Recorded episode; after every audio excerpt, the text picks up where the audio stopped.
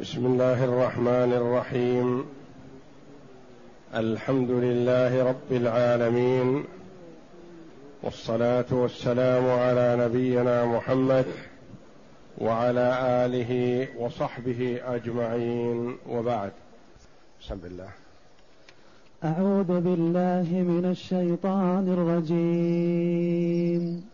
يا أيها الذين آمنوا اتقوا الله ولتنظر نفس ما قدمت لغد واتقوا الله إن الله خبير بما تعملون ولا تكونوا كالذين نسوا الله فأنساهم أنفسهم أولئك هم الفاسقون لا يستوي أصحاب النار وأصحاب الجنة. أصحاب الجنة هم الفائزون. هذه الآيات الكريمة من سورة الحشر.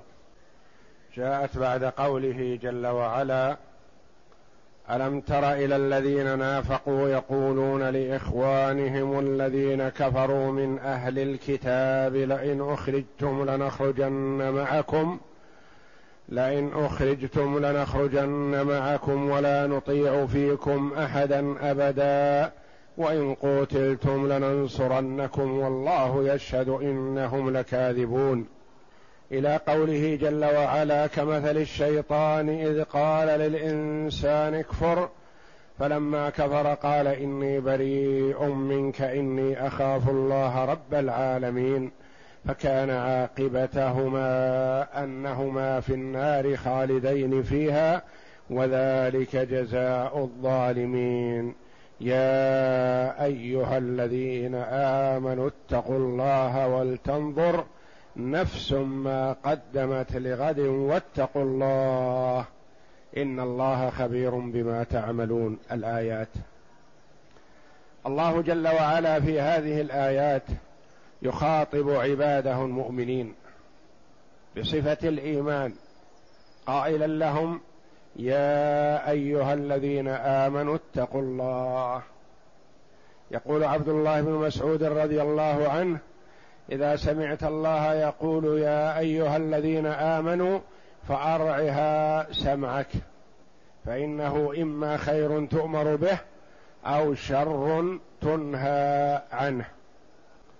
يا أيها الذين آمنوا اتقوا الله يأمر جل وعلا عباده بتقواه. وتقوى الله جل وعلا هي وصيته للأولين والآخرين من خلقه كما قال تعالى ولقد وصينا الذين أوتوا الكتاب من قبلكم وإياكم أن اتقوا الله وفسرت التقوى بتفاسير كثيرة عن العلماء رحمهم الله ولعل من أوضحها وأجمعها قول بعضهم هي أن تعمل بطاعة الله على نور من الله رجاء ثواب الله وأن تترك معصية الله على نور من الله خوفا من عقاب الله. فالمؤمن يعمل الطاعة لا عادة وإنما لأنها طاعة لله. ويعرف أن الله يحبها ويحب فاعلها. على نور من الله محتسبا ثواب ذلك. يعرف أن عمله الصالح لا يضيع عند الله فهو محتسب للثواب.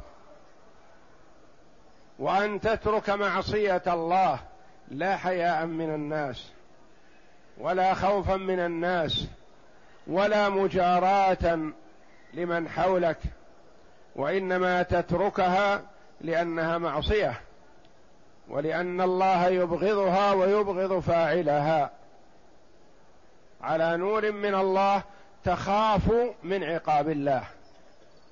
تترك المعصية خوفا من عقاب الله لإيمانك بأن الله جل وعلا لا يرضى عمن عصاه. يا أيها الذين آمنوا اتقوا الله ولتنظر نفس ما قدمت لغد.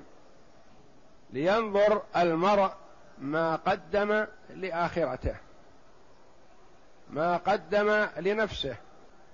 ما قدم لليوم الذي سيستمر وتبقى فيه دائما وأبدا. ولتنظر نفس ما قدمت لغد. فيها أمر من الله للعباد بأن يحاسبوا أنفسهم لينظر في تجارته مع الله ومعاملته مع ربه. أهي معاملة رابحة. أهو مقبل على الله جل وعلا مقبل على طاعته. فيحمد الله جل وعلا على ذلك. ويسأل الله جل وعلا الثبات والاستمرار على الطاعة والزيادة من الأعمال الصالحة. أم هو بخلاف ذلك معرض عن طاعة الله جل وعلا؟ ما جمع لنفسه خيرا فليرجع ولينظر في نفسه وليحاسب نفسه وليبدأ بالمعاملة من جديد وليتب عما مضى والله جل وعلا يتوب على من تاب. ولتنظر نفس يعني كل نفس ما قدمت لغد. الأصل في أن غد هو اليوم الذي بعد يومك الذي أنت فيه. مثلا غد هو يوم الخميس اليوم الأربعاء وغدا الخميس. والله جل وعلا عبر عن يوم القيامة باليوم الذي يلي يومك لتحقق وقوعه وأنه آت لا محاله وأن أيامك في الدنيا منقضية ومنتهية وكأن بك وصلت إلى هذا اليوم الذي هو يوم القيامة. وما بين المرء وبين يوم القيامة إلا أن يقال مات فلان. ومن مات فقد قامت قيامته. انتهى. ولتنظر نفس ما قدمت لغد لينظر فيما قدم لنفسه. لأنه هو الذي له وهو الذي ينفعه وهو الخاص به وحده. عمل صالح يجده عمل سيء يجده. وهو مثاب على الخير ومعاقب على الشر إن لم يعفو الله جل وعلا عنه. والله جل وعلا يقول وما أمر الساعة إلا كلمح البصر وهو أقرب. فالقيامة قيامة المرء بقول الناس بقولهم مات فلان قامت قيامته. ولتنظر نفس ما قدمت لغد. واتقوا الله أمر الله جل وعلا بالتقوى في آيات كثيرة من كتابه. وقد يأمر جل وعلا بالتقوى في الآية الواحدة مرتين. كما في هذه الآية الكريمة. يا أيها الذين آمنوا اتقوا الله ولتنظر نفس ما قدمت لغد واتقوا الله. إن الله خبير بما تعملون.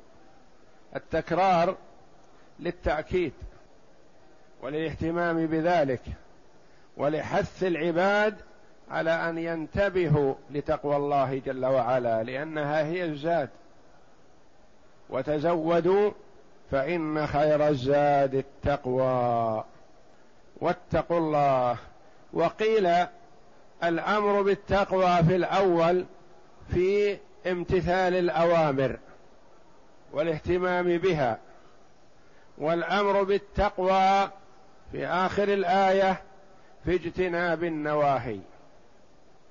يا أيها الذين آمنوا اتقوا الله ولتنظر نفس ما قدمت لغد بتقديم الأعمال الصالحة. واتقوا الله إن الله خبير بما تعملون. اتقوا الله فلا تبارزوه بالمعصية لأنه مطلع عليكم. وخبير بأعمالكم. واتقوا الله إن الله خبير بما تعملون. مطلع على أعمالكم. لا تخفى عليه خافية. مهما أخفى الإنسان أعماله السيئة فإنها لا تخفى على الله. والله مطلع على العباد. يعلم خائنة الأعين وما تخفي الصدور. طرفة العين. ونظرتها بالخفا والمسارقة مطلع عليها جل وعلا. ومطلع على ما لم يظهر. وهو ما كان في القلب. لا يعلم عنه أحد. يعلم خائنة الأعين وما تخفي الصدور. إن الله خبير بما تعملون. فإذا علم المؤمن أن الله جل وعلا خبير بعمله جد واجتهد وأكثر من الأعمال الصالحة لأنها محفوظة عند الله. وإذا علم الفاجر والفاسق اطلاع الله جل وعلا عليه لعله يحجم ويتوقف ولا يكثر من الأعمال السيئة ففيها حث للمؤمنين على الأعمال الصالحة والإكثار منها وفيها تحذير للفجار والكفار والظلمة بأن الله مطلع على أعمالهم لا تخفى عليه منهم خافية ففيها حث وفيها زجر فيها ترغيب وفيها ترهيب. وهذا من بلاغة القرآن أن يكون التعبير مشتمل على المعنيين على المعنيين وقد يكون متناقضين. فتدل الآية على هذا وعلى هذا. ففي قوله جل وعلا إن الله خبير بما تعملون. فيها ترغيب للمؤمن وفيها ترهيب وتخويف للفاجر. اقرأ. يقول تعالى يا أيها الذين آمنوا اتقوا الله. قال الإمام أحمد حدثنا محمد بن جعفر عن المنذر بن جرير عن أبيه قال كنا عند رسول الله صلى الله عليه وسلم في صدر النهار قال فجاء صدر النهار يعني ضحى. نعم. قال فجاء قوم حفاة عراة متحاب النمار أو العباء متقلد السيوف عامتهم من مضر بل كلهم من مضر. يعني جاءوا جاء قوم إلى النبي صلى الله عليه وسلم من مضر تظهر عليهم الفاقة والجوع والعري فتغير وجه رسول الله صلى الله عليه وسلم لهذا لما رأى فيهم من الفاقة والحاجة. نعم. فتغير وجه رسول الله صلى الله عليه وسلم لما رأى بهم من الفاقة. قال فدخل ثم خرج فأمر بلالا فأذن وأقام الصلاة فصلى ثم خطب فقال يا أيها الناس اتقوا ربكم الذي خلقكم من نفس واحدة إلى آخر الآية. وقرأ مشروعية أن المرأة إذا أراد أن يخبر أو يأمر بشيء أو ينهى عن شيء أن يكون عقب الصلاة لأن الصلاة تجمع الناس. وربما يكون الذين عند النبي صلى الله عليه وسلم قبل الصلاة أفراد قلة. فلذا أمر النبي صلى الله عليه وسلم بلالا أن يؤذن. ثم أمره أن يقيم الصلاة فإذا أذن جاء المصلون. نعم. فلما انصرف من صلاته خطب عليه الصلاة والسلام. نعم. وقرأ الآية التي في الحشر ولتنظر نفس ما قدمت لغد تصدق رجل من دينار. قرأ الآيتين التي اللتين فيهما الحث على تقوى الله والعطاء. يا أيها الناس اتقوا ربكم الذي خلقكم من نفس واحدة أول سورة النساء. ثم جاء بهذه الآية في سورة الحشر. يا أيها الذين آمنوا اتقوا الله ولتنظر نفس ما قدمت لغد. هذا حث من النبي صلى الله عليه وسلم على من حوله من الصحابة بالصدقة لهؤلاء.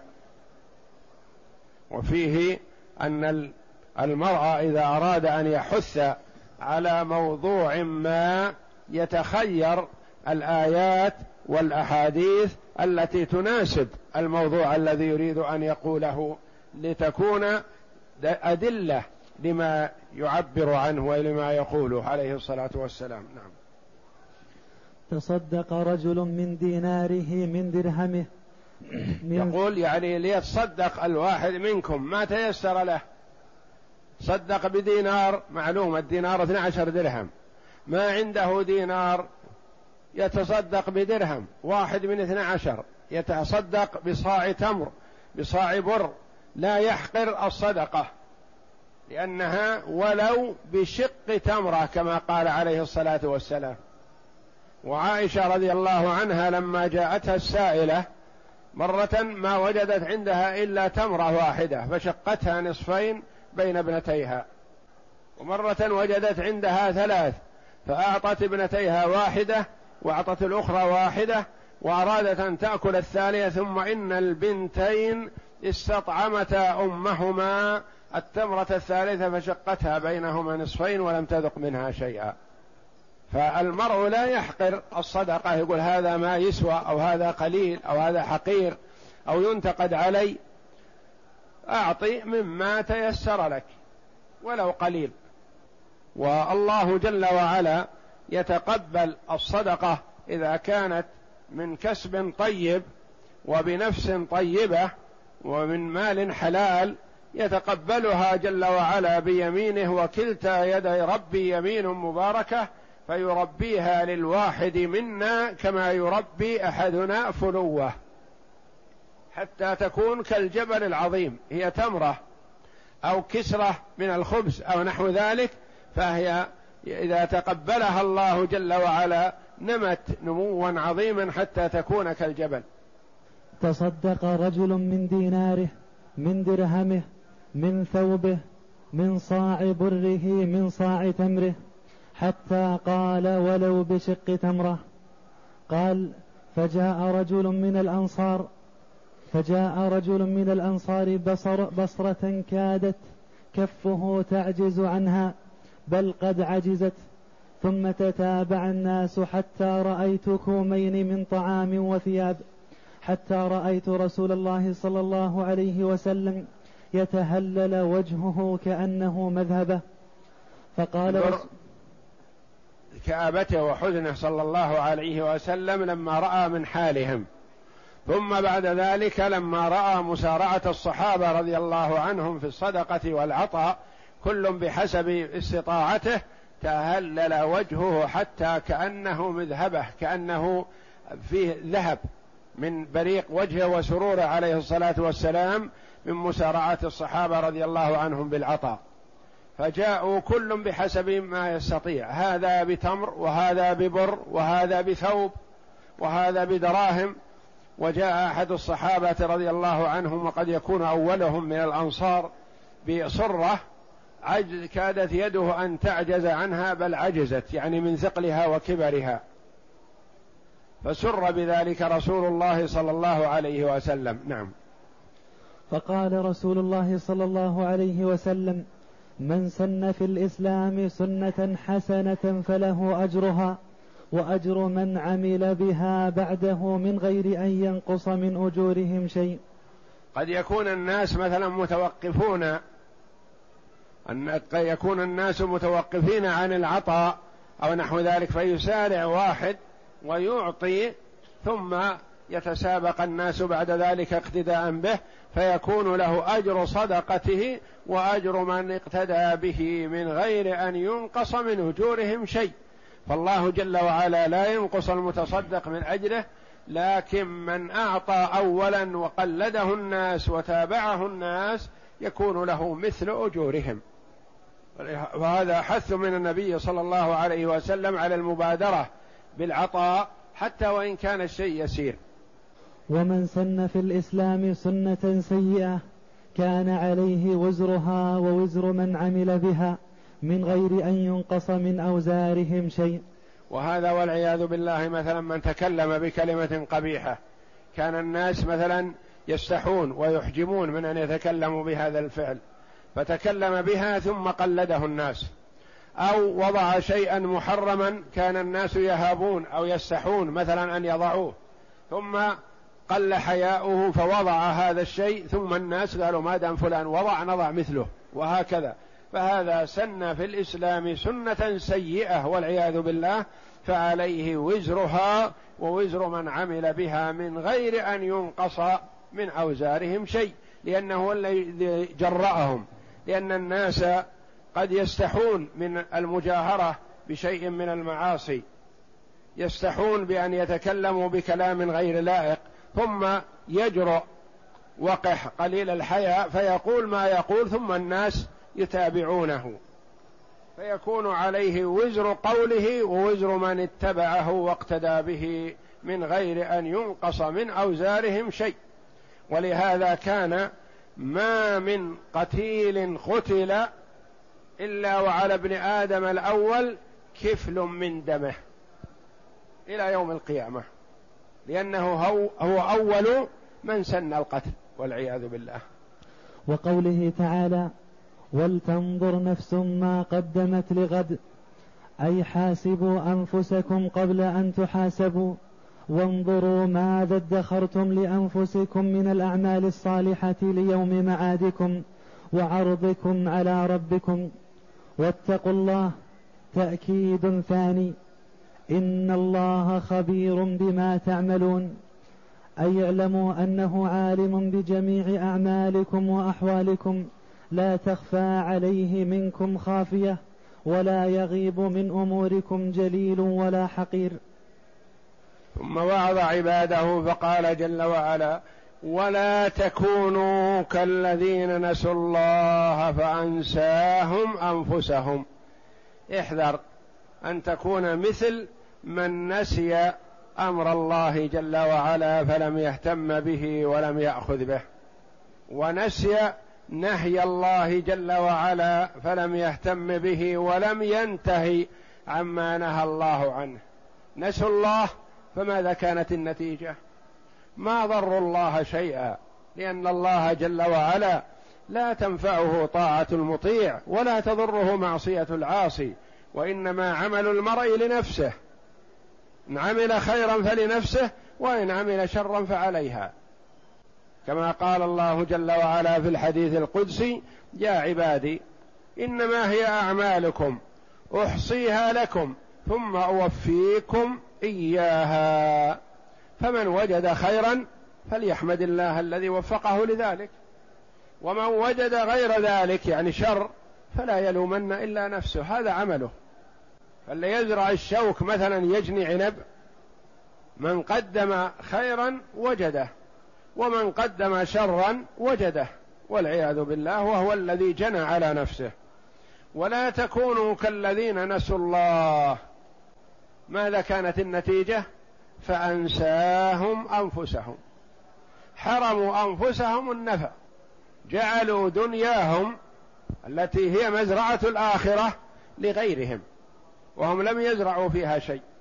من نسي الله فهو في الحقيقة نسي نفسه وضر نفسه ولم يقدم لنفسه خير وكانت دنياه لغيره كما هو حال كثير منا. يعمل لصالح غيره وهو مضيع لنفسه. ما انتبه للفرائض فأداها كما أمر وما انتبه للمحرمات فاجتنبها بل اقترفها ووقع فيها وجمع المال من حلال وحرام فهو لم يبالي ولم يتحاشى عن الحرام فهو يعمل لصالح غيره ويجني على نفسه هو. ولا تكونوا كالذين نسوا الله. يعني نسوا أوامر الله جل وعلا فلم يعملوا بها. نسوا نواهي الله فلم ينتهوا عنها. أمرهم فلم يأتمروا ونهاهم فلم ينتهوا. نسوا الله. ماذا كانت النتيجة؟ عاد الوبال عليهم فأنساهم أنفسهم. ما عملوا لأنفسهم خير. عملوا لها شر وضروها فأنساهم أنفسهم أولئك هم الفاسقون. هؤلاء هم الخارجون عن طاعة الله هم الذين تمكنوا من الفسق وأخذوا أخس مرتبة في الفسق والعياذ بالله. أولئك هم الفاسقون الكامل فسقهم. لأنهم ضيعوا أوامر الله وانتهكوا محارم الله فخرجوا عن طاعة الله. ولا تكونوا كالذين نسوا الله فأنساهم أنفسهم. أي لا تنسوا ذكر الله تعالى فينسيكم العمل المصالح أنفسكم التي تنفعكم في معادكم. فإن الجزاء من جنس العمل ولهذا قال تعالى أولئك هم الفاسقون. أي الخارجون عن طاعة الله؟ الهالكون يوم القيامة الخاسرون يوم معادهم. كما قال تعالى يا أيها الذين آمنوا لا تلهكم أموالكم ولا أولادكم عن ذكر الله ومن يفعل ذلك فأولئك هم الخاسرون.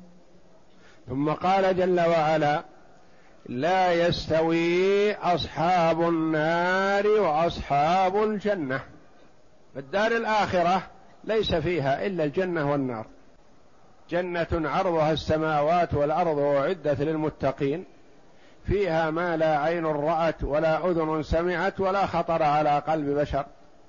ونار وقودها الناس والحجارة. عليها ملائكة غلاظ شداد لا يعصون الله ما أمرهم ويفعلون ما يؤمرون. ليس هناك إلا هاتان الداران فقط. لا يستوي أصحاب النار وأصحاب الجنة وهم لا يستوون. فرق فرق عظيم. أصحاب النار وأصحاب الجنة. أصحاب النار الذين نسوا الله فأنساهم أنفسهم. وأصحاب الجنة هم الذين عملوا بطاعة الله جل وعلا. اتقوا الله وفعلوا الأوامر واجتنبوا النواهي. لا يستوي أصحاب النار وأصحاب الجنة. أصحاب الجنة هم الفائزون. من المعلوم أنهم لا يستويان.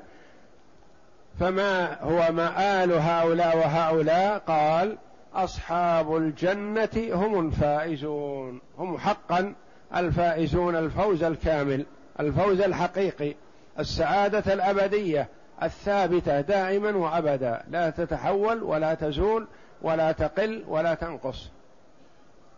أصحاب الجنة هم الفائزون. والله جل وعلا يبين لعباده أن الدار الآخرة فيها فريقان. أصحاب النار وأصحاب الجنة.